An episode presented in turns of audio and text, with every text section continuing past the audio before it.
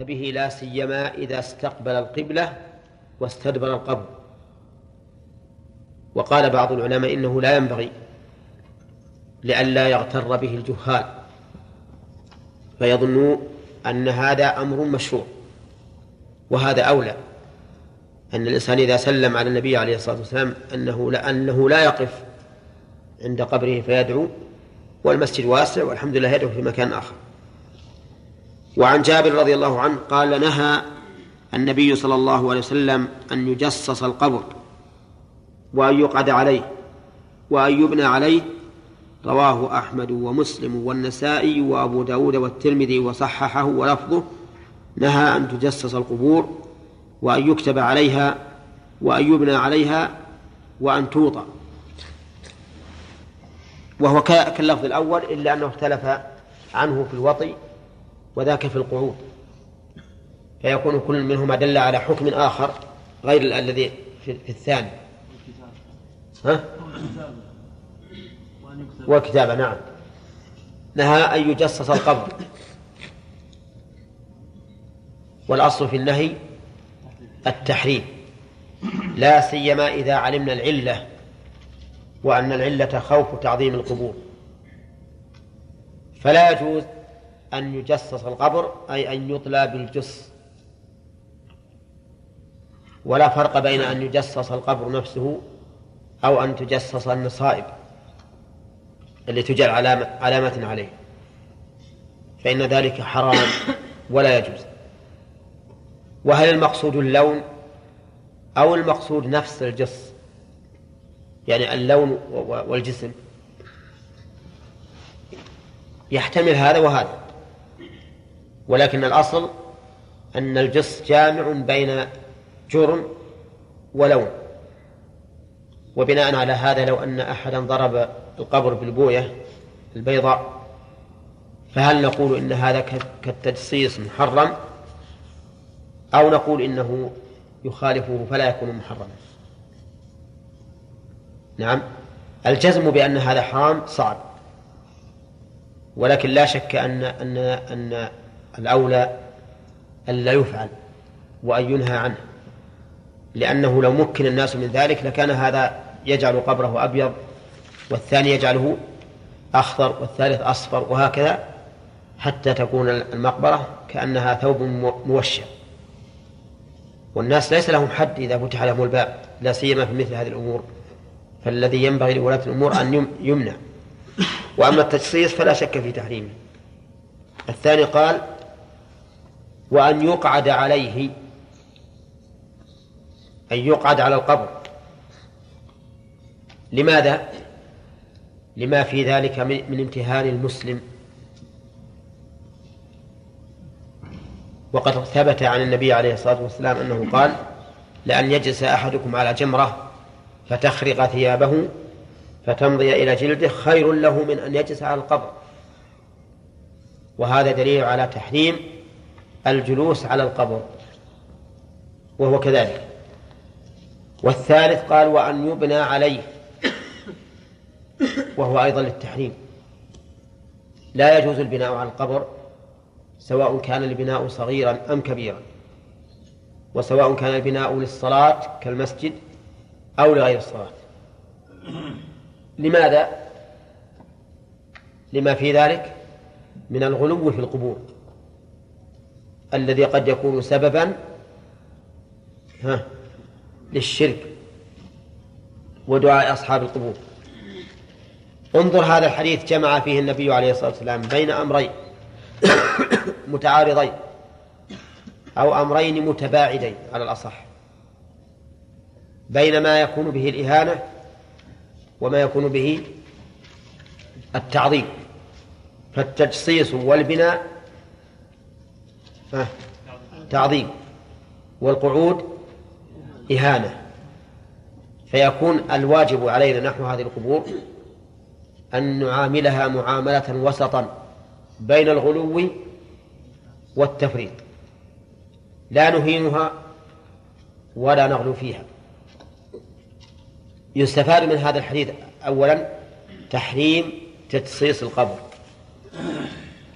لأنه الأصل في النهي ولما في ذلك من المحذور الذي قد يؤدي إلى الشرك. ثانيا تحريم القعود على القبر. نعم. لأن الأصل في النهي إيش؟ التحريم. ولما في ذلك من إهانة المسلم. وثالثا تحريم البناء عليه على القبر. أيا كان نوع هذا البناء لأن الأصل في النهي التحريم ولأن ذلك غلو في القبور قد يؤدي إلى عبادتها. فأما وضع سور على المقبرة فليس من هذا الباب لأن السور ما بني عليها وإنما بني لها لحمايتها. فلا يكون ذلك من باب البناء على القبور. ويستفاد من الحديث تحريم التخلي بين القبور يعني البول أو الغائط. من أين يؤخذ؟ ها؟ من قوله وأن يقعد عليه. لأنه إذا حرب القعود على القبر فالتخلي عليه من باب أولى وكذلك التخلي بينها من باب أولى. فلا يجوز أن يتخلى الإنسان بين القبور ولا أن يتخلى عليها لما في ذلك من امتهان أصحاب القبور. والغائط أشد من البول لأن البول ربما يزول عن قرب والغائط يتأخر. قال ورواية الثانية نهى أن تجسس القبور وأن يكتب عليها الكتابة على القبور منهي عنها. ولكن اختلف العلماء. هل يشمل النهي الكتابة التي لمجرد التعليم أو لا يشملها؟ إن نظرنا إلى اللفظ قلنا ها؟ يشمله. لأن ما فيه استثناء ولا تقييد. فكل كتابة على القبر فهي حرام. وإلى هذا ذهب بعض أهل العلم وقال إنها لا تجوز الكتابة مطلقا وقال بعض العلماء إنه إذا كانت الكتابة لمجرد التعليم فلا بأس به. يعني بمعنى أنه إذا كان لا يتميز صاحب القبر إلا بالكتابة فلا بأس بذلك. وأما إذا كان يتميز بدون الكتابة فلا فلا حاجة إليها. وهذا هو الذي عليه العمل وقاسه بعض العلماء على حديث عثمان بن مظعون قال لأن النبي عليه الصلاة والسلام جعل علامة وهي الحجر أو الصخرة فكذلك هذه العلامة بالكتابة. وأيا كان فإذا كان يمكن أن يكون التعليم بما دون الكتابة فهو أولى مثل أن يكون التعليم بالوسم وأظنكم تعرفون الوسم ها؟ ها؟ إيه. الوسم كل أناس قبيلة أو فخر من القبيلة يكون لهم وسم خاص يعني علامة عليه كوسم البهائم مثلا. وسم علامة. مثل بعض الناس تكون علامته خطين واحد فوق, فوق الثاني. بعضهم مثلا تكون علامته آه، أرقات يعني علامة زائد. وبعضهم تكون علامته قوس قوسا. فالمهم إذا كان يمكن أن يعلم القبر بدون الكتابة فهو أولى. وأما كتابة بعض الناس آيات من القرآن على القبر أو دعاء على القبر أو مثل تاريخ وفاته باليوم والسنة والشهر فهذا منهي عنه داخل في الكتابة لأن الأصل النهي والمنع فلا يجوز أن نكتب إلا ما دعت الحاجة إليه وهل الحاجة داعية إلى أن نعرف متى مات الرجل؟ نعم في المقبرة ما في ما في حاجة. لا لأن الناس سيبعثون في آن واحد. ليسوا على حسب تقدمهم في الوفاة. وتاريخ وفاته يمكن أن يعلم بكتابته في دفتر أو مذكرات للإنسان وما أشبه ذلك. نعم. وقوله وأن توطى يعني القبور. نهى أن توطى لماذا؟ لما فيه من الامتحان للقبور. وأما المشي بين القبور فلا بأس به إلا أنه يكره أن يمشي بين القبور بالنعال. لأن النبي عليه الصلاة والسلام رأى رجلا يمشي بنعليه فأمره أن يخلعهما. نعم.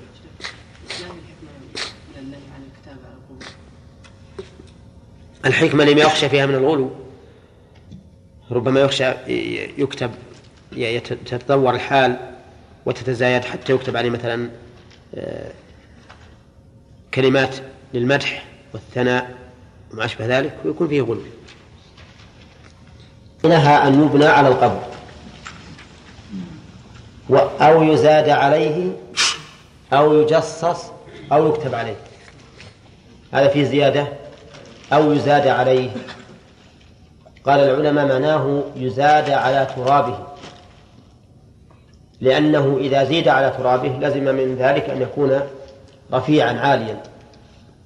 فيدخل في القبر المشرف الذي كان النبي عليه الصلاة والسلام يأمر بتسويته. فتبين أن المنهيات الآن كم؟ نعدها. أن يجسس القبر وأن يقعد عليه. وأن يبنى عليه وأن يوطى وأن يكتب عليه وأن يزاد. كذا؟ ها؟ ستة. المنهي عنه ستة أشياء. ثم قال باب من يس من يستحب أن يدفن المرأة. والمراد أن يدفنها أي أن يضعها في قبرها. وأما المشاركة في الدفن فهو مستحب لكل أحد. لكن من الذي يتولى تنزيلها في القبر؟ قال عن أنس رضي الله عنه قال شهدت بنت رسول الله صلى الله عليه وسلم تدفن وهو جالس على القبر. بنت رسول الله. أي بناته؟ البنات اللاتي اللاتي متن في حياته ثلاث. زينب ورقية وأم كلثوم. فالمراد بها أم كلثوم. وقد ورد في بعض طرق الحديث أنها رقية ولكن هذا ليس بصواب. لأن رقية ماتت والنبي عليه الصلاة والسلام في غزوة بدر لم يحضرها. فتعين أن تكون هي أم كلثوم يرحمك الله. وكون الصحابي يقول بنت رسول الله ولم يعينها يحتمل أمرين. أحدهما أنه لا يعلم من هي. وهذا أمر واقع. هو يعرف أنها بنت الرسول بنت الرسول صلى الله صلى الله عليه وسلم ولكن لا يدري من هي. فيقول بنت رسول الله. أو أنه يريد أن يبين أنه لا أهمية لتعيين الشخص إذا لم يكن إذا لم يترتب على تعيينه حكم. وهو كذلك. فالشخص صاحب القضية لا, لا, لا, لا يهمنا أن يكون فلانا أو فلانا. إلا إذا كان يتعلق بتعيينه بنفسه حكم كما لو كان من قرابة الرسول عليه الصلاة والسلام والحكم يتعلق بالزكاة وما أشبه ذلك. فالمهم أن تعيين الشخص ليس بذات أهمية. قال فتدفن وهو جالس على القبر. اللهم صل وسلم عليه.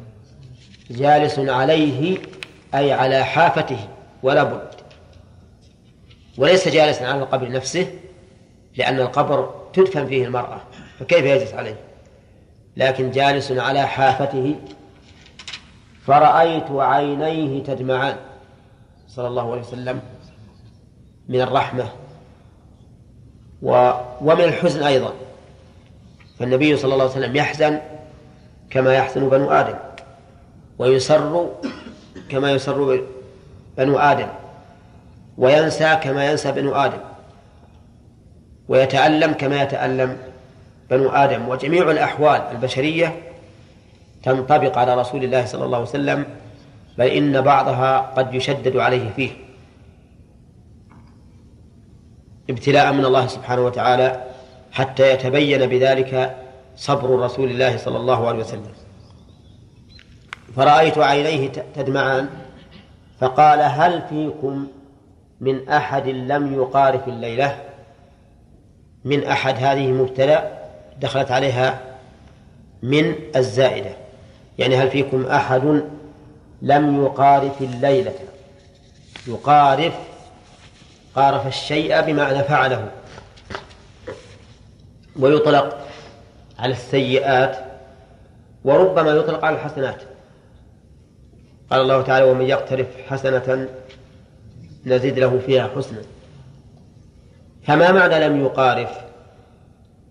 قال بعض العلماء لم يقارف أي لم يأت معصية في تلك الليلة. ولكن هذا القول ضعيف أو باطل. ويبطله اللفظ الثاني رجل قارف الليلة أهله. ويبطله أيضا أن الرسول عليه الصلاة والسلام لا يمكن أن يعرض على أصحابه مثل هذا العرض. أيكم لم يعص الله؟ لأنه يستلزم إذا قال أحد أنا يا رسول الله يستلزم أنه زكى نفسه. نعم. ثم إنه يستلزم أن يكون ذلك من باب تدخل الإنسان بين العبد وبين ربه. وهذا أمر لا يمكن أن يقع من الرسول صلى الله, صلى الله عليه وسلم. ثم إنه يبعد من مثل أبي طلحة رضي الله عنه أن يقول أنا ما قارفت أنا ما عصيت. فكل هذه الوجوه الأربعة تدل على بطلان الت... بطلان تفسير المقارفة بمقارفة الإثم. فقال أبو طلحة أنا قال فانزل في قبرها. رواه أحمد والبخاري. أه؟ قال فانزل في قبرها بعد فنزل؟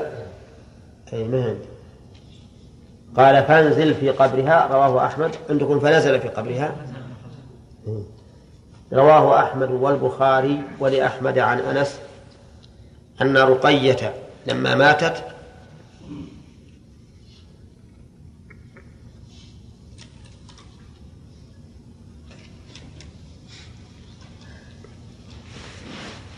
أن رقية لما ماتت قال النبي صلى الله عليه وسلم قوله أن رقية تقدم أن الصواب أنها أم كلثوم. قال النبي صلى الله عليه وسلم لا يدخل لا يدخل القبر رجل قارف أهله الليلة قارف الليلة أهله فلم يدخل عثمان القبر.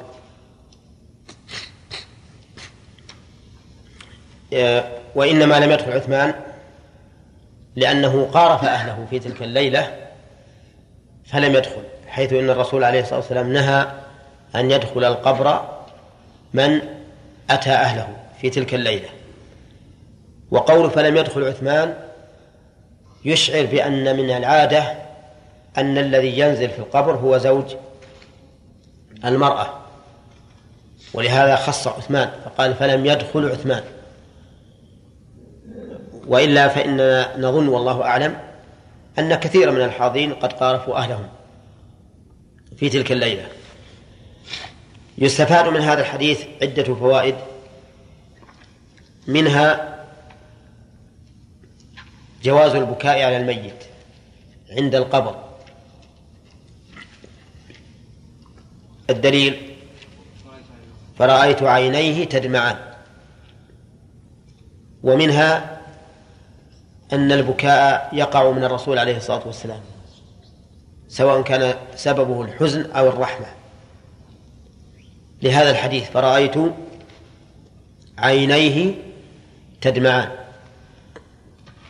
ومنها أنه لا يشترط لتنزيل المرأة في قبرها أن يكون أن يكون الذي ينزلها محرما لها.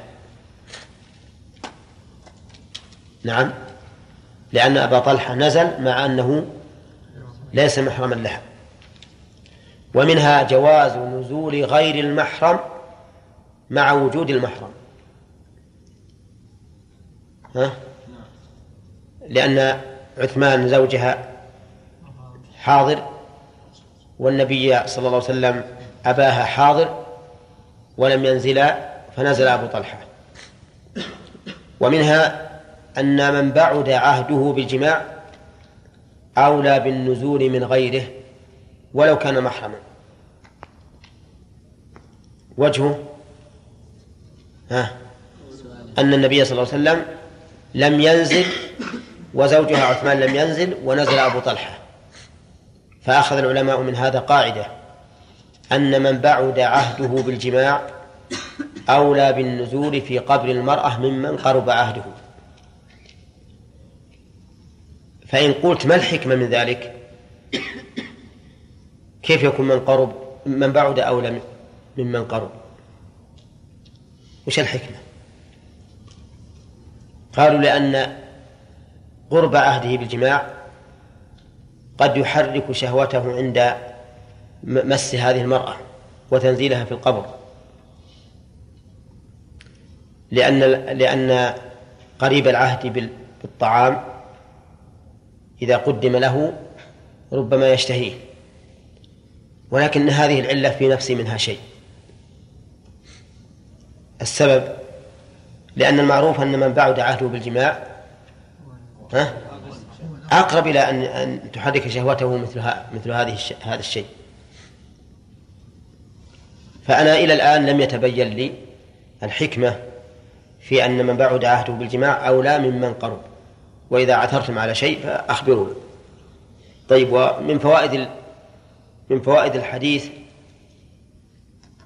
إبطال عقيدة بعض العامة الذين يقولون إن المحرم يجب أن يكون مصاحبا للمرأة في السفر لأجل إذا ماتت ينزل في قبرها فيفك حزائمها. يعني لو سألت العامة وش السبب أن المرأة ما تسافر إلا محرم قال ليه؟ لأجل إذا ماتت يفكك حزائمها هذه العلة عند العامة. وهذه صحيحة ولا لا؟ ليش من صحيحة؟ ها؟ هذا الحديث. لأن أبا طلحة ليس محرما ومع ذلك هو الذي أنزلها في القبر. والفائدة من محرم المرأة الفائدة صيانتها وحمايتها وحفظها عن العبث عن أن تعبث هي أو يعبث بها أحد. هذا هو الحكمة. ومن فوائد الحديث أن إظهار الإنسان أنه لم يجامع زوجته البارحة مثلا لا بأس به. بخلاف بخلاف إظهاره أنه جامعها. نعم. إظهار الإنسان أنه جامع زوجته البارحة أو قبل البارحة أو التحدث بذلك هذا من الأمر المنهي عنه. حتى صح, الحديث عن النبي عليه الصلاة والسلام أن من شر الناس منزلة يوم القيامة الرجل يفضي إلى أهله فيصبح يتحدث بما جرى بينهم. فهذا من شر الناس منزلة يوم القيامة. فهناك فرق بين أن يقول إنه جامع زوجته البارحة وبين أن وبين أن يظهر أنه لم يجامعها فأبو طلحة الآن أبو طلحة قال أنا ما جمعت. والنبي عليه الصلاة والسلام عرض على أصحابه أن يخبروه من لم يجامع. ولو كان إخبار الإنسان أنه لم يجامع لو كان حراما هل يعرض النبي صلى الله عليه وسلم على أصحابه أن يخبروه؟ ها؟ أبدا. وعلى هذا فيجوز الإنسان أن يخبر بمثل ذلك ولا يجوز أن يخبر بوقوعه. نعم. قلنا من الفائدة أنه يتولى يجوز أن يتولى الدفن غير المحرم مع وجود المحرم. نعم. تكون هذه على إطلاقها أو نقيد ما إذا كان المحرم قد طارق؟ لا ما هو شرط لأنه لو كان حراما ما كان هذا مانعا. النبي صلى الله عليه وسلم علقه بما إذا كان قد علقه على سبيل الاستحباب. لأن لأن الحرام ما تبيح مثل هذا الشيء هذا الشيء. لو كان حراما ما منع نزول المحرم أن يكون قد جامع يختص بالمرأة ولا الرجل والمرأة؟ المقاربة لا الظاهر أنه بالمرأة فقط. أما أما الرجل ما ورد عن الرسول عليه الصلاة والسلام ذلك ولأن المرأة محل الشهوة. فكان ال- ال- الحكم يختص بها. نعم يقول النبي في الحديث السابق أو زاد عليه. لو قال قال أحد من زيادة الحصباء على القبر ممنوعة بهذا النص. وأنه أراد في زيادتها أمرا لا يحتج به. هو سبق لنا أن الحديث ضعيف في هذا. إي نعم. هذا ربما يقال انها إنها تدخل في هذا. لأن الحصبة مهم من تراب القبر. نعم.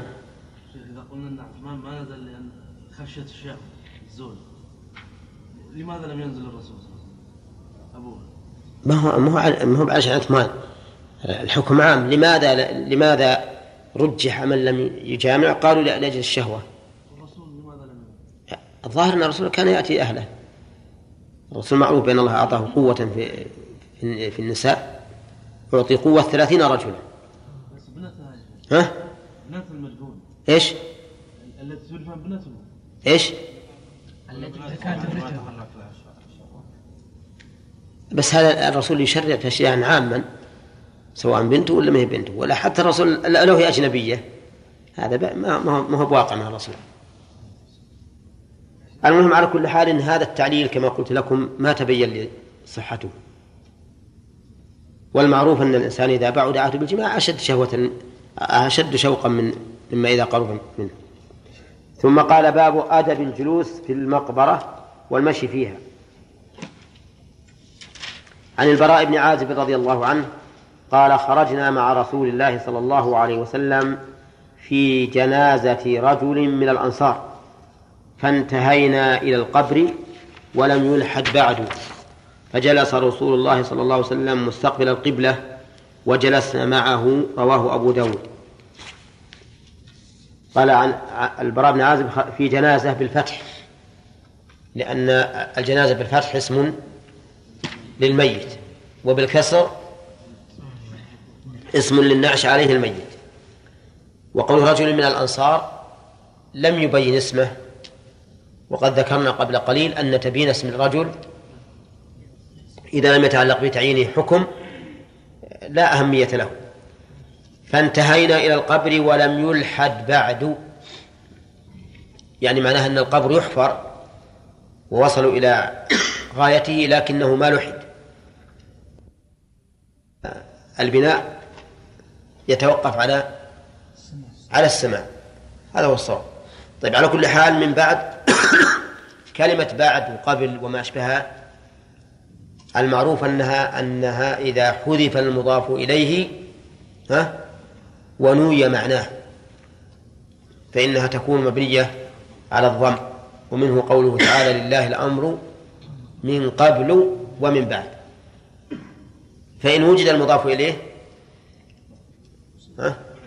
فهي معربة. مثل كذب الذين من قبلهم من بعدهم من بعد ما جاءتهم البينات. وإن حذف المضاف إليه ونوي لفظه فهي معربة بلا تنوين. نعم. وإن حذف المضاف إليه ولم ينوى لفظه ولا معناه فهي معربة بتنوين. كذا داود؟ ها؟ ها؟ طيب معربة بلا تنوين كما قال الشاعر فساغ لي الشراب وكنت قبلا أكاد أغص, أغص بالماء الفراتي فصار لها أربع حالات الآن ولا مانع من إذا مر علينا مثل هذه المسائل أن نذكركم بها حتى لا تنسوا النحو. فصار قبل بعد لها أربع حالات. أولى تعرب في ثلاث وتبنى في واحدة إذا وجد المضاف إليه وإذا حذف ونوي لفظه وإذا حذف ولم ينوى لفظه ولا معناه في هذه الأحوال الثلاث تكون معربة. وإذا حذف ونوي معناه تكون مبنية على الضم. طيب ولم يلحد بعد. يقول فجلس النبي صلى الله عليه وسلم مستقبل القبلة وجلسنا معه رواه أبو داود. فيستفاد من هذا الحديث جواز الخروج بالجنازة وإن لم يهيأ القبر. ووجه الدلالة من الحديث أن الرسول صلى الله عليه وسلم لم يعنفهم على ذلك. ويستفاد منه جواز الجلوس في المقبرة. لقول جلس وجلسنا معه. ففي هذا سنة فعلية وسنة ها؟ إقرارية جلسنا معه. ويستفاد منه جواز الجلوس قبل الدفن. ها؟ وجهه أن الرسول صلى الله عليه وسلم جلس مع أنها ما لحد القبر. ويستفاد منه مشروعية استقبال القبلة حال الجلوس. لقوله مستقبل القبلة. وهذا في الحقيقة من الأدلة النادرة. لأنه لو طلب من الإنسان الدليل على أنه ينبغي للإنسان في جلوسه أن يكون مستقبل القبلة ما أمكن لو طلب منه ذلك قد يتقاصر أو يعيه الدليل. ولهذا ينبغي أن يقيد هذا. وقد مر علينا في سنن الوضوء أنه ينبغي أن يتوضأ مستقبل القبلة عند بعض الفقهاء وأن بعض أهل العلم بعض الفقهاء وقالوا إنه يتوجه استقبال القبلة في كل طاعة إلا إلا بدليل. لكن مع ذلك إذا قلنا باستقبال القبلة باستقبال استقبال القبلة في الجلوس إذا كان هناك حاجة أو مصلحة تقتضي عدم هذا صار اتبعنا المصلحة اتبعنا الحاجة. ولهذا كان الرسول صلى الله عليه وسلم يخطب الناس يوم الجمعة وهو ها؟ مستقبل القبلة هنا نعم. حصل اتفاق ما هو بالظاهر لأن تنصيصه على استقبال القبلة مع أن استقبال القبلة معنى مقصود. يدل على أنه ليس باتفاق. ولا نعم ربما حصل اتفاقا لكن التنصيص عليه مع وجود المعنى. وربما يستدل بعموم الكعبة قبلتكم أحياء وأمواتا على القول بأنه حجة وصحيح ولا يصير استحباب في المقبرة خاص يا شيخ عن الجلوس عند القبر ما هو ظاهر؟ ما هو ظاهر لأن مثل ما قلنا أن القبلة لها أهمية. وعلى كل حال كون يعني أنا أقول إن كنا نتقصد في كل جلوس قد يعارض فيه معارض. يقول هذا يحتاج إلى دليل عام.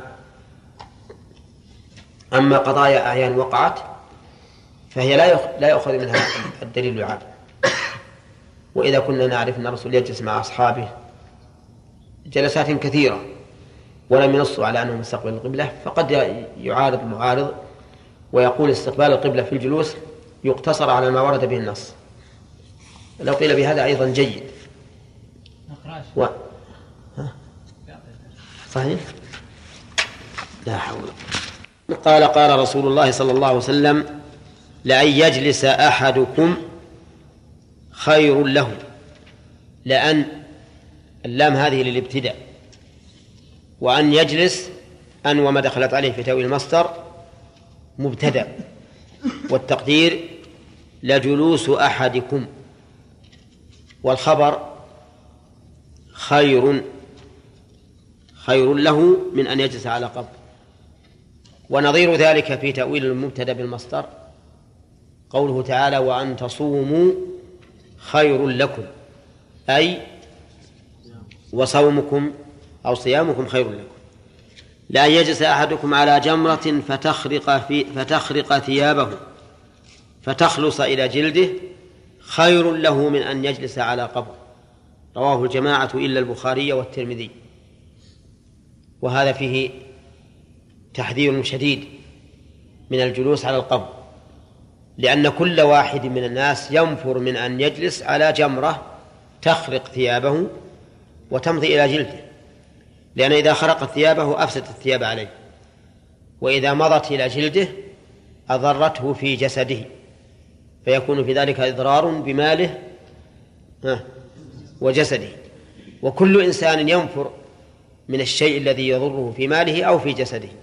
فكيف بالشيء الذي يضره في المال والجسد؟ وهذا من أبلغ ما يكون في التنفير عن الجلوس على القبر. فيستفاد منها تحرق إيوه أنا إيش قلت؟ تحرق هنا هي بالحاء فتحرق طيب في هذا الحديث دليل على تحريم الجلوس على القبر. ووجه ذلك أن النبي صلى الله عليه وسلم جعل هذا الضرر أهون من الضرر على الجلوس على القبر. ويستفاد منه حسن تعبير النبي عليه الصلاة والسلام عن الأشياء التي يريد التنفير منها. لأن مثل هذه العبارة من أبلغ ما يكون في شدة التنفير. ومن فوائد الحديث إثبات التفاضل بين العقوبات. كما ثبت التفاضل بين الأعمال. فالأعمال ليست على حد سواء وعقوباتها كذلك ليست على حد سواء. فإن بعضها أشد من بعض.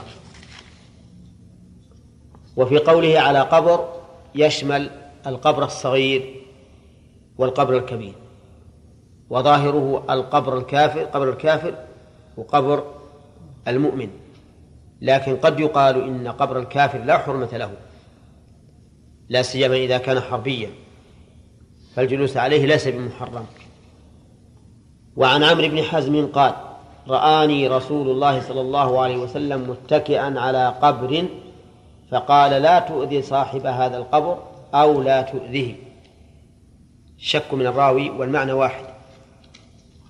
متكئا على القبر يعني معتمدا عليه في يده وأكثر ما يكون الاتكاء على المرفق ومنه سمي المرفق لأنه يرتفق به بالاتكاء عليه. وقول لا تؤذي صاحب هذا القبر فيه دليل على أن صاحب القبر يتأذى بما فعل عنده. لكن بما فعل عنده متصلا به لأن هذا الاتكاء على القبر نفسه. وقد ذكر العلماء أن صاحب القبر يتأذى بكل منكر فعل عنده. هكذا قالوا ولكنني لم أجد مستندا مستندا لذلك من السنة. وبناء على قولهم يكون هؤلاء الذين يجعلون على قبور أهليهم نصائب كبيرة مشرفة. يكونون قد أساءوا إلى إلى هؤلاء الذين الذين هم يتولونهم ويرون أنهم بذلك محسنون إليه فيقال إنكم قد آذيتموهم لأن هذا منكر. وقوله عليه الصلاة والسلام لا تؤذي صاحب هذا القبر هذا ذكر للحكم بالعلة لأنه لم يقل لا تجلس فتؤذيه لا تتكئ فتؤذيه بل قال لا تؤذي فهو حكم بالعلة وهو قليل بالنسبة للنصوص لأن أكثر ما يوجد في النصوص الأحكام إما مقرونة بعلتها وإما مجردة. أما أن يعبر بالعلة عن الحكم كما هنا فهو قليل. نعم. وعن بشير بن الخصاصية أن الخصاصية أن رسول الله صلى الله عليه وسلم رأى رجلا يمشي في نعلين بين القبور. فقال يا صاحب السبتتين ألقهما. رواه الخمسة إلا الترمذي. ها؟ السبتيتين. نعم. السبتيتين. آه، ال- النعال السبتية هي النعال المدبوغة التي سبت شعرها أي قطع. والسبت بمعنى القطع.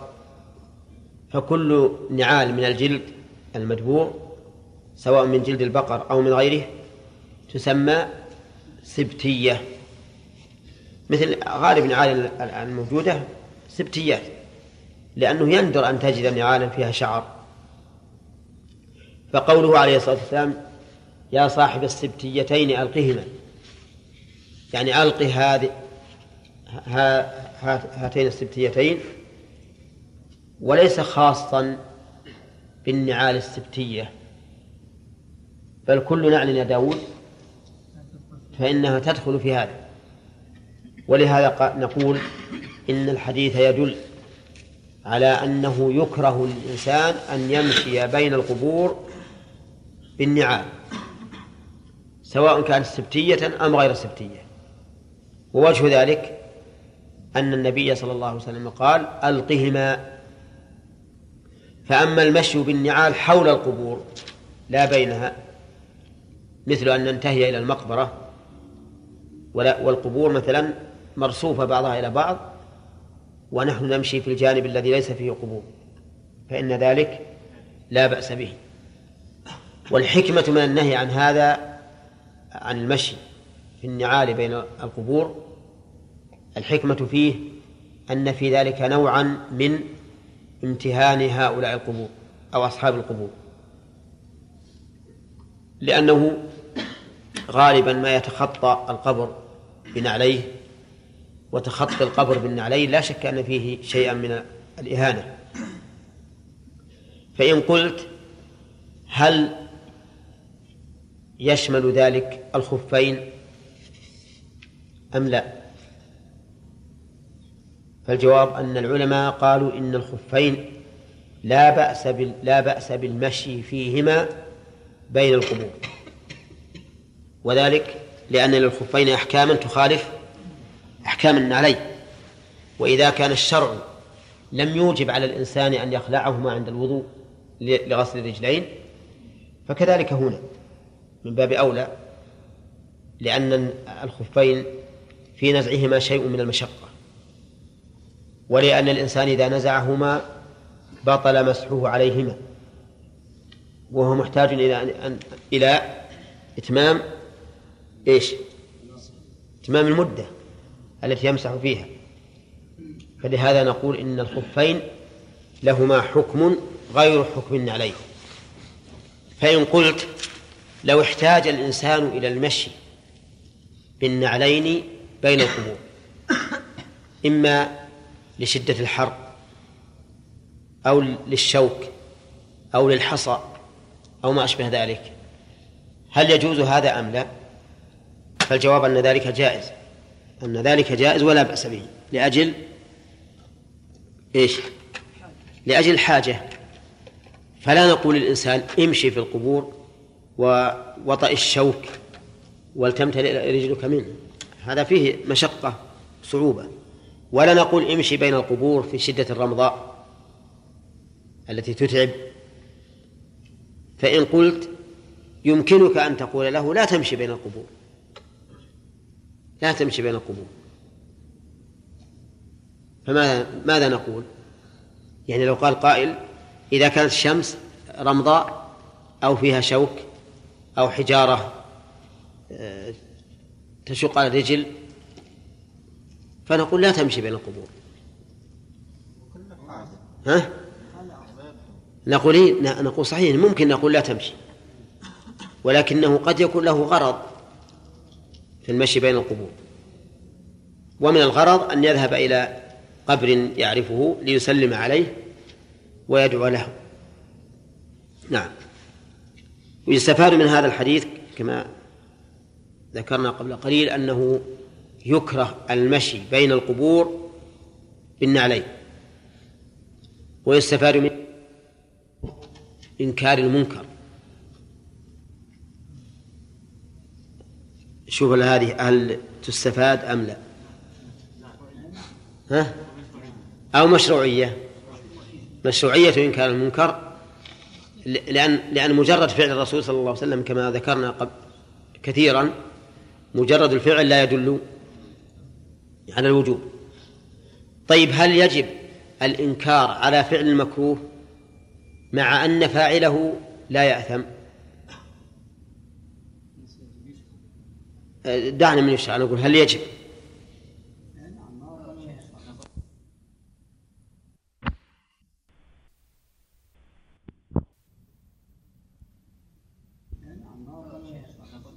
ها؟ لا يجب. تقول يا حيدر؟ إيه بس مجرد الفعل الرسول ما يدل على الوجوب. يعني هذا مثلا لنفرض أن هذا يتحرك في صلاته. الحركة في الصلاة مكروهة. هل يجب علي أن أنكر عليه؟ نعم. إذا قلنا أنه يعد منكر فنقول يجب. مكروه مكروه. المكروه ما يعد منكر. قد يعد منكر وقد لا يعد إذا كان يعد منكر لأن الرسول قال من رأى منكر منكر منكرا فليغيره مم.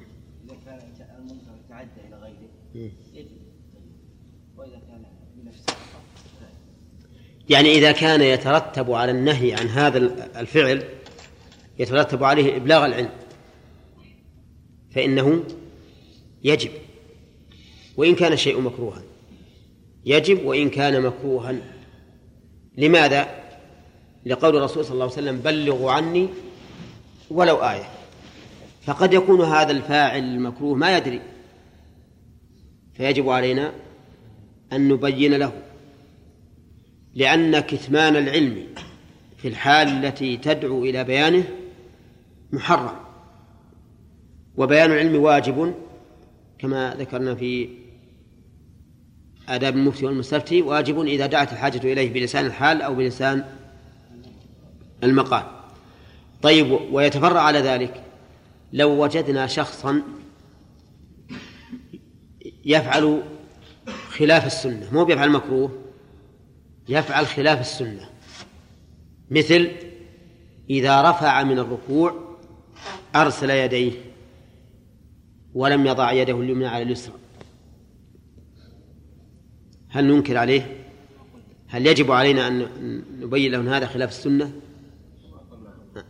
كما قلنا بالأول إذا كان إذا كان لم يعني نعلم أنه ما فعل ذلك إلا اجتهادا ويظن أن ذلك هو الصواب وجب علينا إبلاغه وأمره بالسنة لأنها لأنه من باب إبلاغ العلم ومثل ذلك أيضا لو رأينا شخصا يجلس التشهد ويضع يديه مبسوطتين على فخذيه نبين له ولا لا؟ ها؟ نبين له يجب علينا أن نبين لأن هذا من باب العلم أما إذا علمنا بأن هذا الرجل عالم لكن متهاون فإنه لا يجب علينا.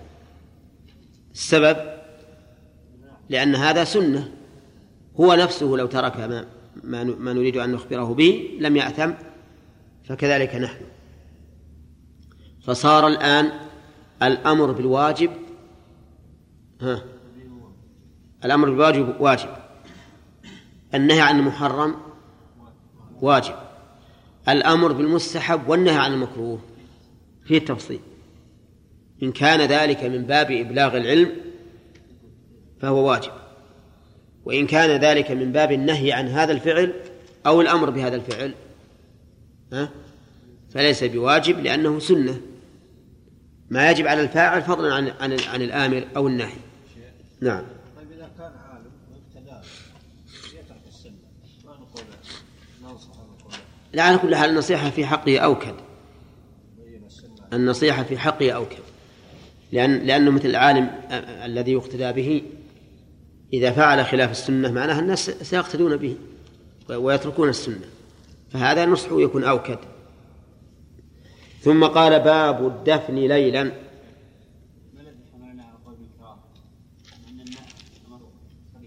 نعم. الذي حملنا على القول بالكراهة إنه ما ورد ما ورد النهي. الدال على التحريم. بل قال القهما والإلقاء هنا في الأمر في قوله ألقهما نعلم أنه لأجل أن لا يظن أن ذلك الرجل يمتهن هذه هذه القبور. إن قال أحد بال- بالوجوب فهو جيد لكن الذي- اطلعت عليه من كلام أهل العلم أنه سنة فقط. وليس بواجب يعني ها اذا صار القبر واحد ليس ها؟ إذا صار ما يمشي بين القبور قبر واحد. اي ما يخالف. يجوز أن تقف عليه وعليك النعلان. قبر واحد. ما ما يضر نعم. ها؟ يعني قول الرسول صلى الله عليه وسلم الذي اشتكى على القبر أنه يؤذي صاحبه هذا القبر. هل يفهم ان صاحب القبر هذا يحس أو يرى الذي معلوم ما بالشك. لأنه ما يتأذى إلا بشيء يدركه. أقول معلوم ما يتأذى إلا بشيء قد أدركه وأحس به.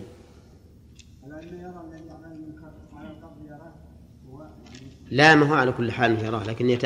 لما كان يتكئ على نفس القبر يتأذى به. يقول ليش اتكى علي هذا الرجل؟ أنت الآن لو أنك مضطجع وجينا واتكى عليك. ها؟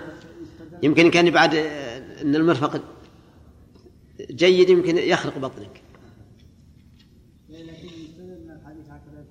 اي إيه معلوم. يستدل من أن الإنسان إذا إذا إذا اتكى على القبر أحس به صاحب القبر وتأذى به. ما ما ما إيش اللي أخرج قبر الكافر والحديث عام لا يجلس احدكم على جمله خير له من يجلس على قبر الذي أخرجه بأنه لا حرمة له الكافر ما له حرمة.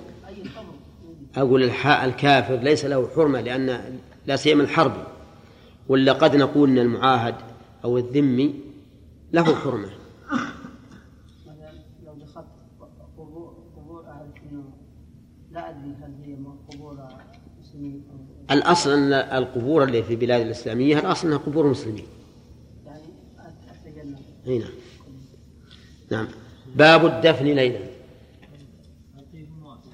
يتركها النعال أو ياخذها بيده لا لا ألقيهما يعني قصده أنه لا تلبسهم. إيه؟ لا لا لا يخلعهما ويأخذها بيده.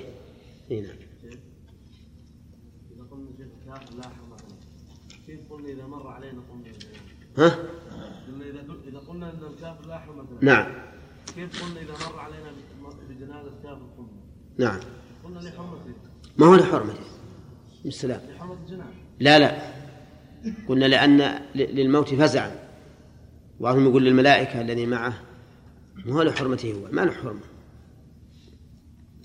باب الدفن ليلا عن الشعبي عن ابن عباس رضي الله عنهما قال مات إنسان كان رسول الله صلى الله عليه وسلم يعوده فمات بالليل. لا عنده ها؟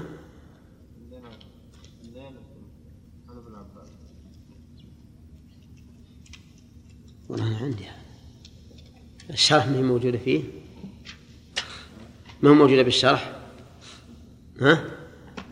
حديث ابن عباس اخرجه أيضا مسلم وقد روي نحوه عن جماعة من الصحابه قدمنا ذكرهم في باب الصلاه على الغائب وقدمنا شرح هذا الحديث واختلاف فيه والاختلاف في اسم شهاده انسان مبهم هنالك نعم. ودفن ودفن أبي بس بكر. هذا. على كل حال ما يهم.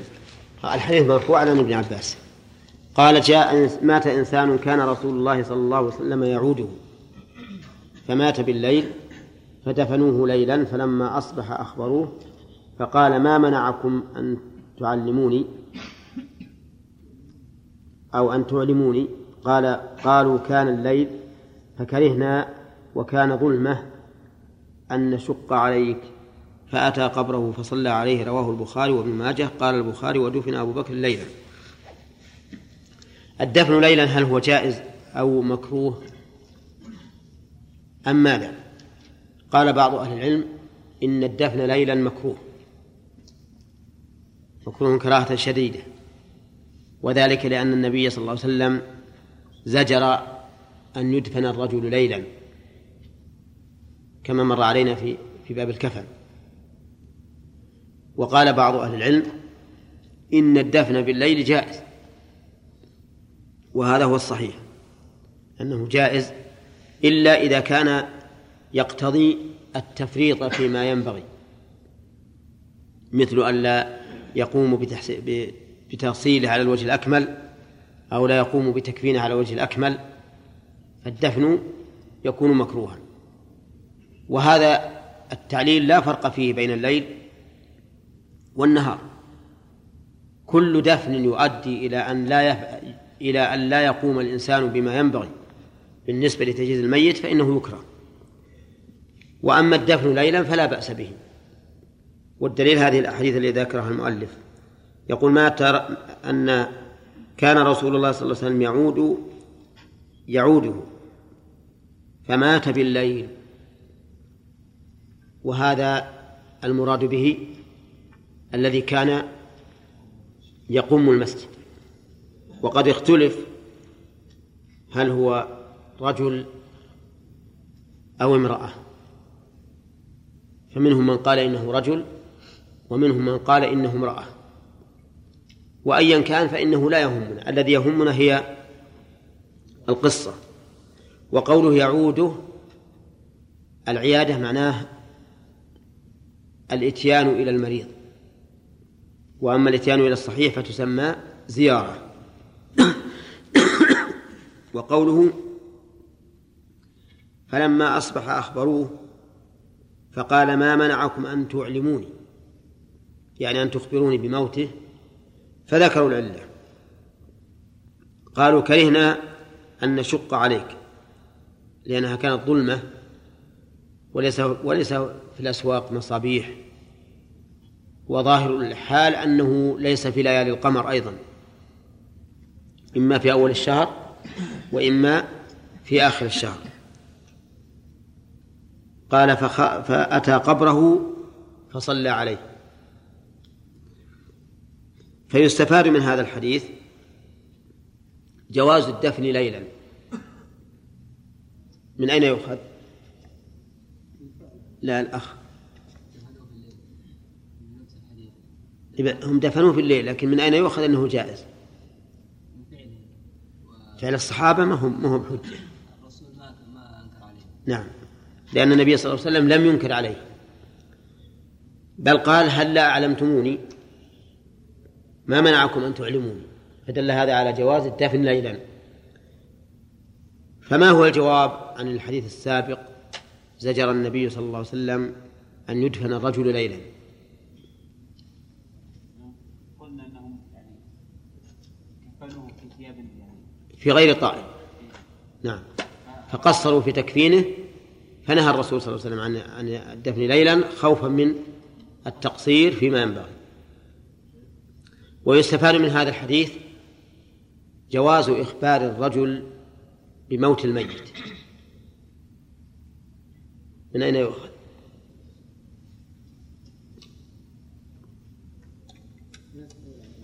من أين يؤخذ يعني؟ السؤال خاص. شوف الحديث.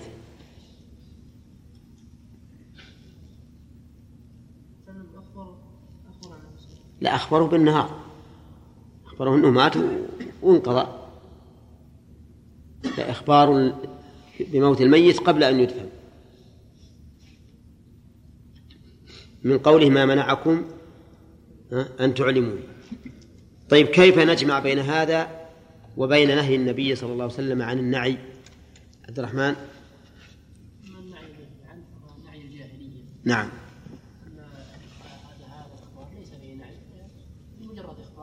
نعم.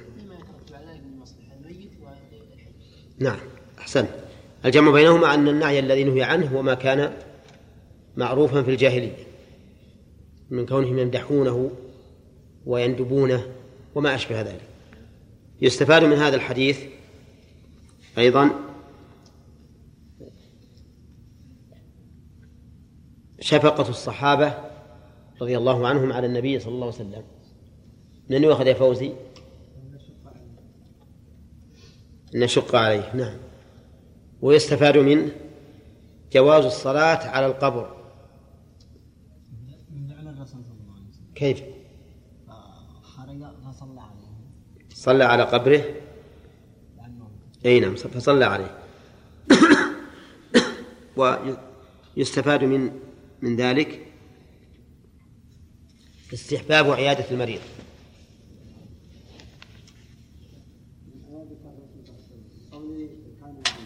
كان يعوده. نعم. ويستفاد منه أيضا عيادة الشريف لمن لمن دونه. لا الأخ حسين. لهذا الرجل. ها؟ اي نعم. ويستفاد منه جواز الاعتراض على فعل الفاعل إذا كان في ذلك مصلحة. قوله ما منعكم أن تعلموا ما منعكم أن تعلموني. وعلى هذا فيكون قول أنس في صفة النبي عليه الصلاة والسلام يقول ما صنعت شيئا فقال لما صنعته وما تركت شيئا فقال لما لما تركته. يكون هذا في شؤونه الخاصة وأما ما فيه مصلحة فقد يقول الرسول لما فعلتم؟ أو هلا فعلتم كذا؟ أما في شؤونه الخاصة فكان لا لا يبالي وهذا ويدل عليه قول عائشة رضي الله عنها إن النبي صلى الله عليه وسلم ما انتقم لنفسه قط. فالشيء الخاص به لا يعترض على أحد فرط فيه بل يعفو ويصفح. أما ما يتعلق به المصلحة فقد يقول ما منعكم أو لم فعلتم. ويستفاد من هذا الحديث الرد على الجبرية.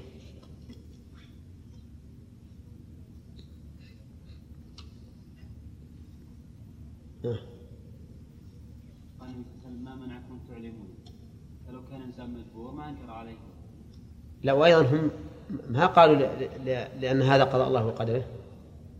قالوا كرهنا أن أن نعلمك وكان ظلمة فكرهنا أن نشق عليك. فدل هذا على أنهم فعلوا هذا الأمر ها، باختيارهم وإرادتهم وأنه لا يمكن لأحد أن يحتج بالقدر على ما فرط فيه من فعل أو أو نحو ذلك. ودفن أبو بكر ليلا. دفن أبو بكر ليلا. وهذا يدل على جواز الدفن ليلا. ووجهه أن الصحابة رضي الله عنهم تصرفوا هذا التصرف بدون أن ينكره أحد. فيكون شبه إجماع من الصحابة على جواز الدفن في الليل. وعن عائشة رضي الله عنها قالت ما علمنا بدفن رسول الله صلى الله عليه وسلم حتى سمعنا صوت صوت المساحي من آخر الليل ليلة الأربعاء. المساحي هي آلة معروفة يحفر بها ويجرف بها التراب وتسمى المر المسحات تسمى المر وقيل إن المر صوتها وهي تسحب على الأرض وجمعها جمعها مسحاء مساحي وجمع المر مرور ولهذا قال محمد بن إسحاق والمساحي المرور رواه أحمد. والحقيقة أن هذا التفسير تفسير بالأخفى للأبين المساحي أبين عند الناس من المرور. لكن كأنها في عهد محمد بن إسحاق كأنها مشهورة بذلك. ففسرها بحسب وقته. وقولها رضي الله عنها ليلة الأربعاء.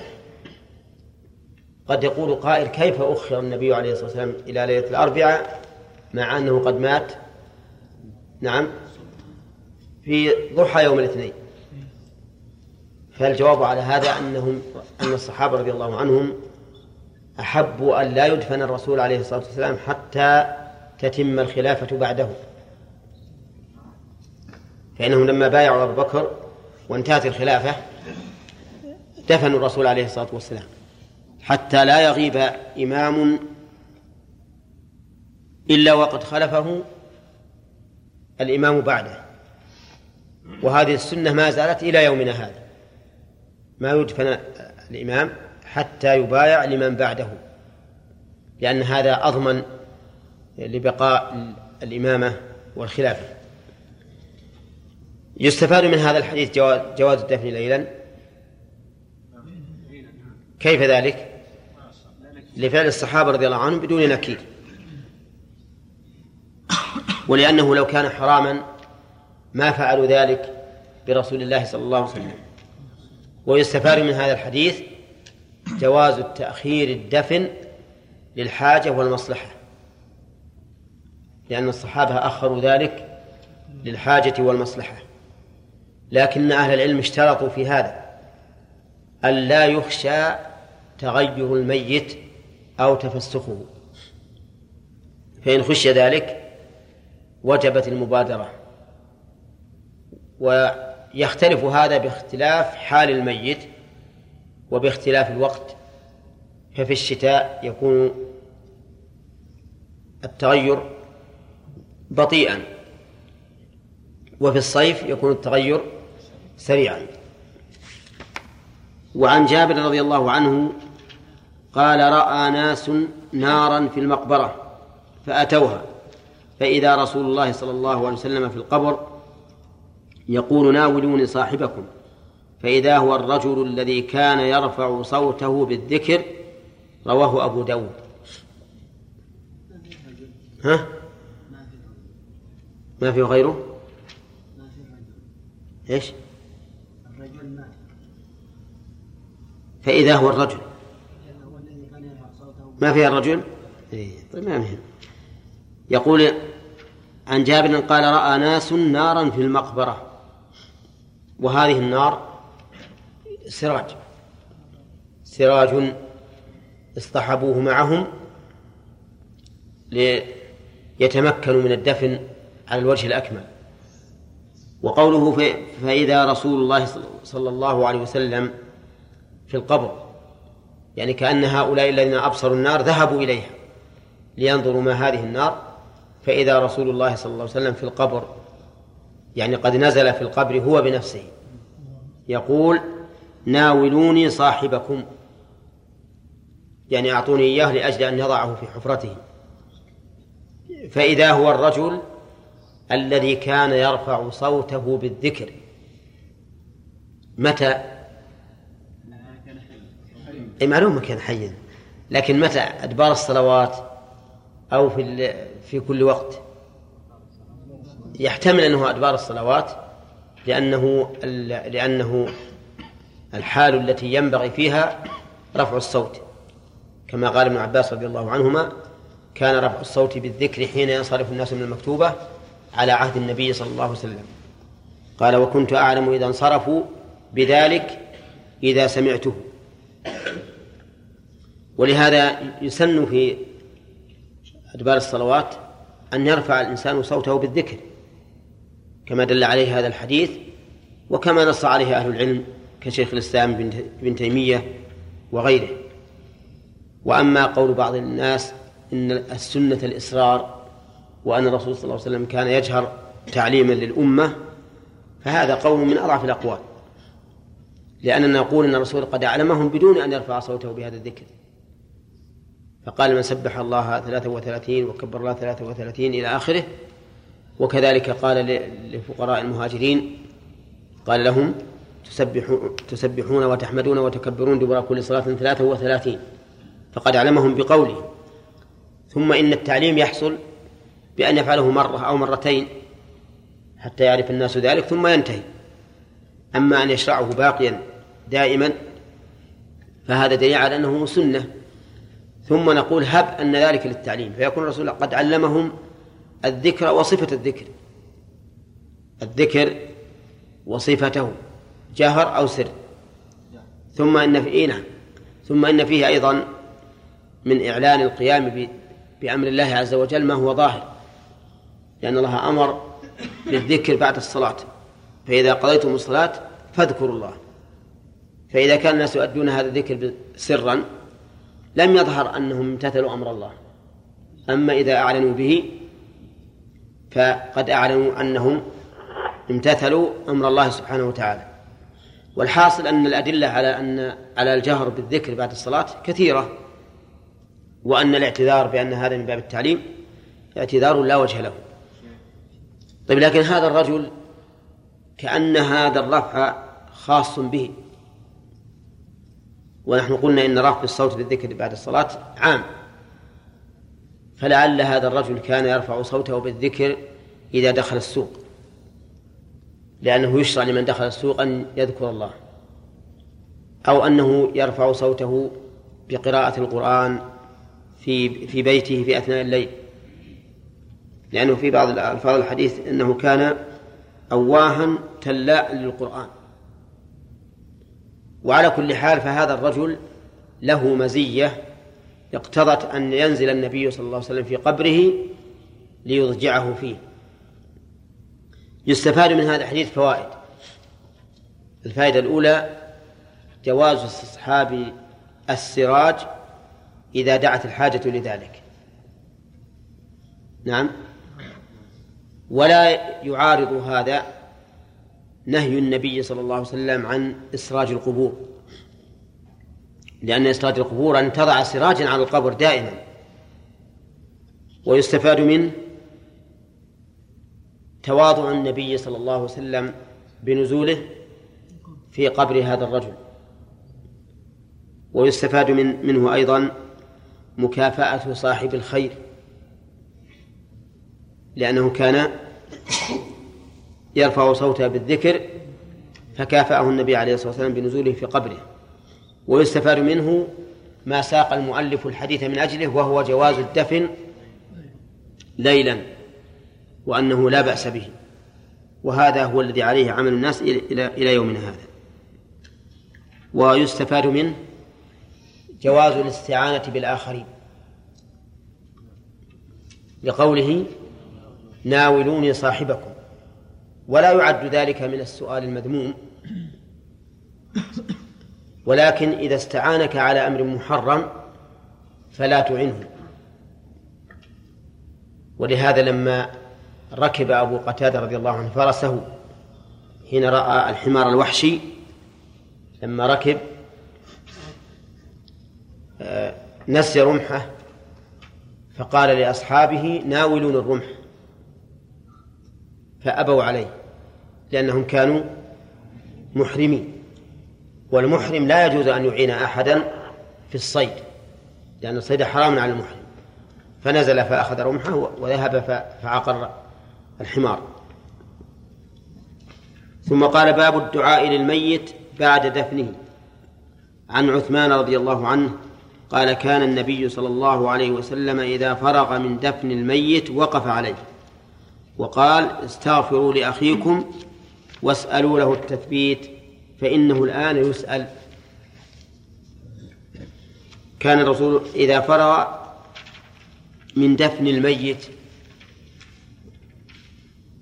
ظاهره أن الرسول صلى الله عليه وسلم يباشر الدفن وحده وليس كذلك ولكنه إما مشارك وإما مقر إما أن يشارك هو بنفسه في الدفن وإما أن يقر.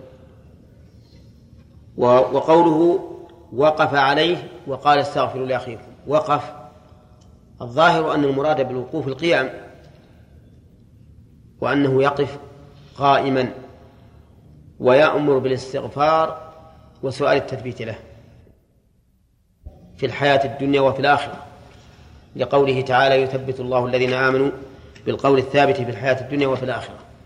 وهذه الآية نزلت في سؤال القبر. وقوله استغفروا لأخيكم واسألوا له التثبيت لأن الاستغفار سبب لفتح الله تعالى على العبد.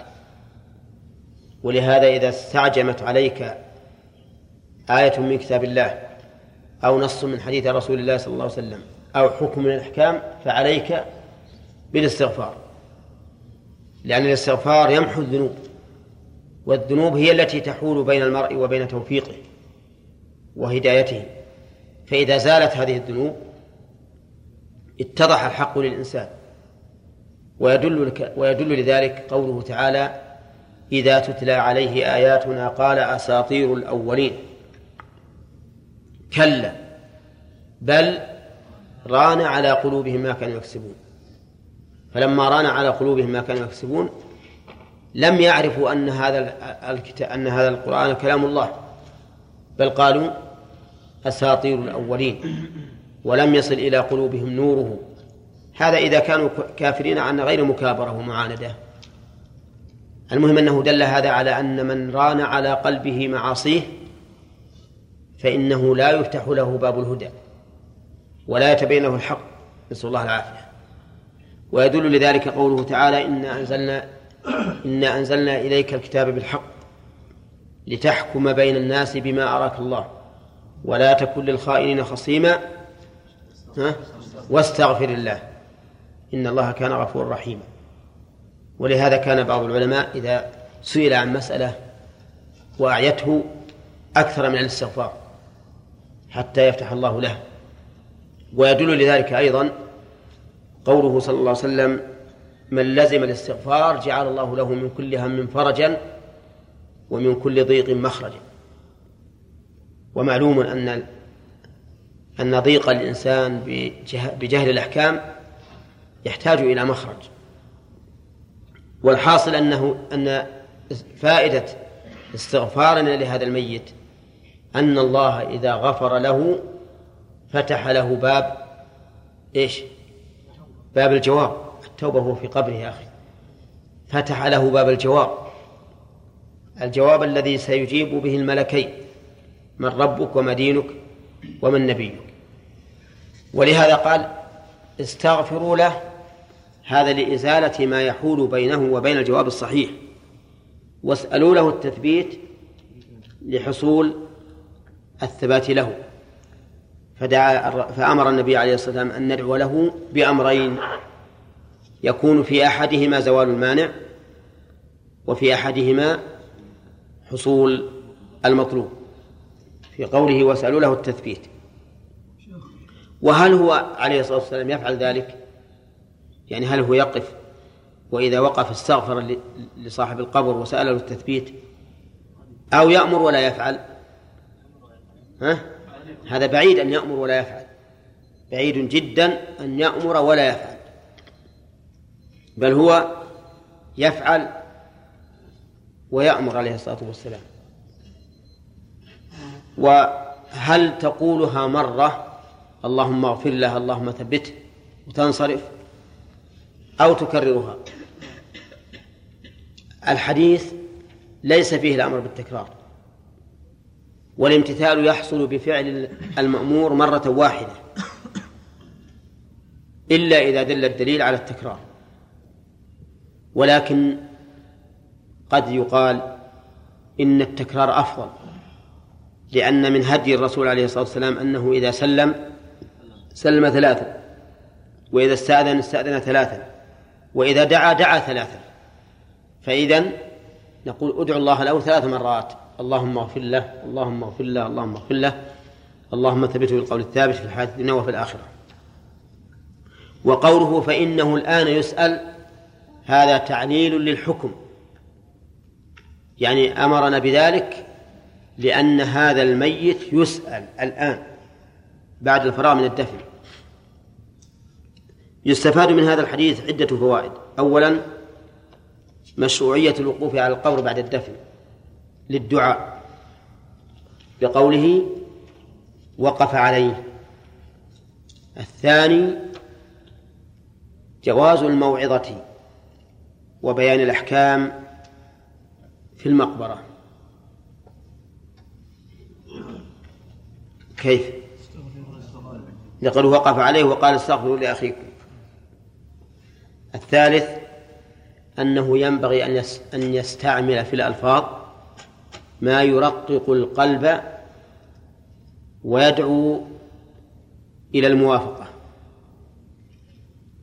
لقوله لأخيكم فإن مقتضى الأخوة أن يرق له قلبك وأن تستغفر له وتسأله التثبيت. ومنها مشروعية الاستغفار وسؤال التثبيت بعد الدفن للميت.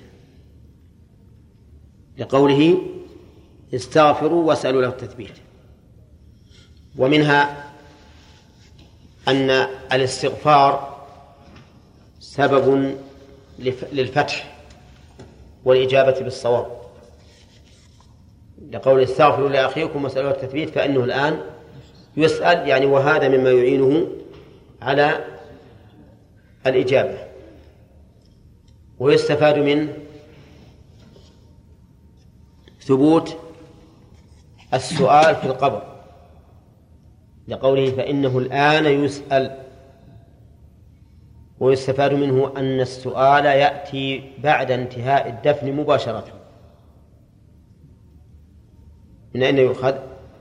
من قوله الآن. الآن بعد قوله إذا فرغ. ومنها أن الإنسان أن الميت لا يسأل ما لم يدفن وإن بقي أياما. لأنه علق السؤال بالفراغ من الدفن. وعلى هذا فلو مات وبقي في الثلاجة أو بقي على العراء ما علم به أحد فإنه لا يسأل حتى يسلم إلى إلى الدار الثانية طيب ولو مات في ولو مات في البحر وألقيناه في الماء يسأل ولا لا؟ ها؟ يسأل لأن هذا قبره لأن هذا قبره طيب ولو أكلته السباع ولم يعلم به متى يسأل؟ إذا أكل يعني يكون قبره بطن السبع ها؟ هذا مما يتوقف فيه. فقد يقال إن هذا أن أكل السبع له بمنزلة الدفن وقد يقال إنه إذا لم يدفن فإن الله عز وجل يبعث إليه الملكين ويسألانه. الله أعلم. نعم بعضهم يطلع من البحر ويدفن أي في الوقت الحاضر في الوقت الحاضر ما له داعي لكن في فيما سبق لما كان ما هناك ثلاجات يدخل فيها الميت. نعم. أحيانا غرق. خلي إذا غرق لكن إذا مات في, في, في لجة البحر في السفينة مثلا. أما إذا كان قريب من الساحل ممكن يخرج. لكن نقول يسأل الحالة ذي لا لا ما يسأل. هذا ما يسأل حتى ما دام أنه يمكن دفنه فلا يسأل إلا بعد الدفن طيب الصغير يشمل يا شيخ الاستغفار نشوف الآن. طيب قوله فإنه الآن يسأل ظاهر الحديث العموم. أنه يشمل الصغير والكبير. ولكن قد يقال إن الصغير لا يدخل في الحديث. لأن الصغير قد رفع عنه القلم فليس عليه ذنوب حتى يستغفر له منها ولا ولا يسأل لأنه غير مكلف. والمسألة فيها لأهل العلم قولان. وهما قولان في مذهب الإمام أحمد. وقد ذكر صاحب الإقناع أن المرجح النزول نزول الملكين لعموم الحديث ولأن الاستغفار قد يفيد هذا الطفل قد يفيده. والله أعلم. على كل حال المكلف لا شك في أنه يسأل. وأما المجنون والصغير ففيه قولان لأهل العلم والله أعلم. طيب وهذا السؤال هل يسأل الجسم ولا الروح؟ لا تتصل الروح بالبدن. لأن الرسول قال فتعاد إليه روحه. فت- فتعاد الروح في الجسم لكن ليس كإع- كإع- كإعادتها في الدنيا. يعني ما يكون حي حياة دنيو- دنيوية بل يكون حيا حياة برزخية. ولهذا ورد في الحديث أنهما يقعدان الميت. يقعدان يعني يجلسانه مع أن اللحد لا يتسع للجلوس لكن هذه حياة ما تقاس بحياة الدنيا. وهذا النائم يجد نفسه قائما وقاعدا ومتحركا وربما يرى نفسه يسوق السيارة وهو ما تعلم القيادة أيضا. ها؟ ولا لا؟ أي نعم. وهو على فراشه. ما تحرك. لأن تعلق الروح بالبدن في حال النوم غير تعلقها به في حال اليقظة. وتعلقها بالموت بالبدن بعد الموت غير تعلقها بها بالبدن في حال الحياة. فعلينا أن نؤمن بهذه الأمور الغيبية ولا نقول كيف ولما لأن السؤال عن كيف ولما هذا من من طريق أهل البدع. وكل الأمور الغيبية كما سبق لنا مرارا ليس لنا إلا أن نؤمن بما جاء به النص. لأن عقولنا لا تدرك ولا تحيط بهذا نعم. آخر ها؟ ما هو مفهوم الحديث الآخر إلا هذا بعد الجواب. إذا أجاب بالصواب مد له في قبره. ما ها؟ الأفضل أن يستغفر للميت بدعاء بسيده استغفار يمتنع. يمتنع لا يكفي. اللهم اغفر له يكفي. نعم. سياق الحديث. حديث الاستغفار السيد الاستغفار يمنع الاستغفار به. لا ما يمنع لكن ما يقال إنه مأمور به. خاص بهذه الأمة ومنهم من يقول إنه عام.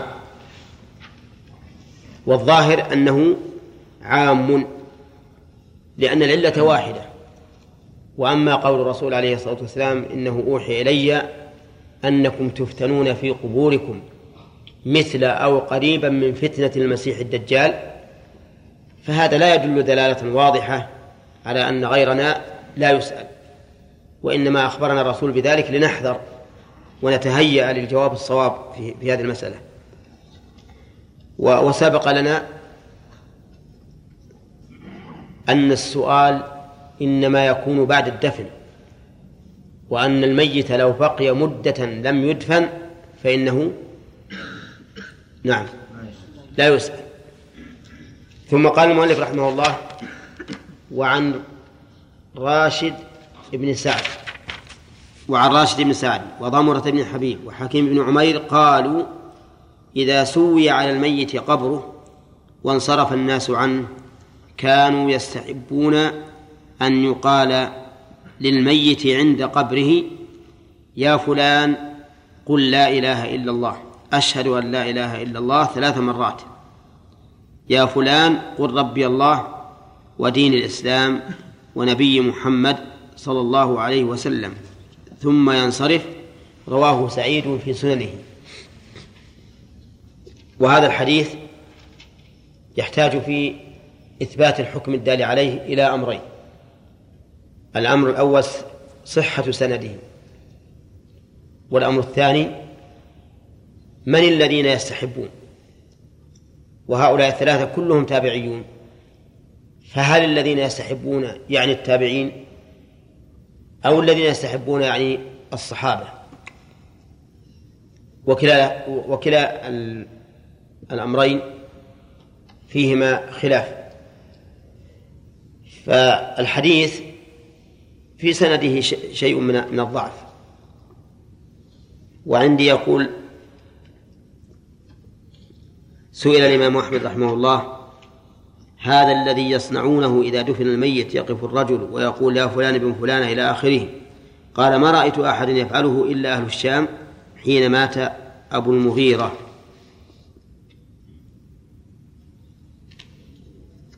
والحديث له شواهد في الواقع لكنه يخالف الحديث السابق الذي قال فيه الرسول عليه الصلاة والسلام استغفروا لأخيكم واسألوا له التثبيت فإنه الآن يسأل والتلقين بعد الدفن جدواه جدواه قليلة أو معدومة لأنه إن كان الميت من أهل الشقاوة نسأل الله العافية فهل ينفعه التلقين؟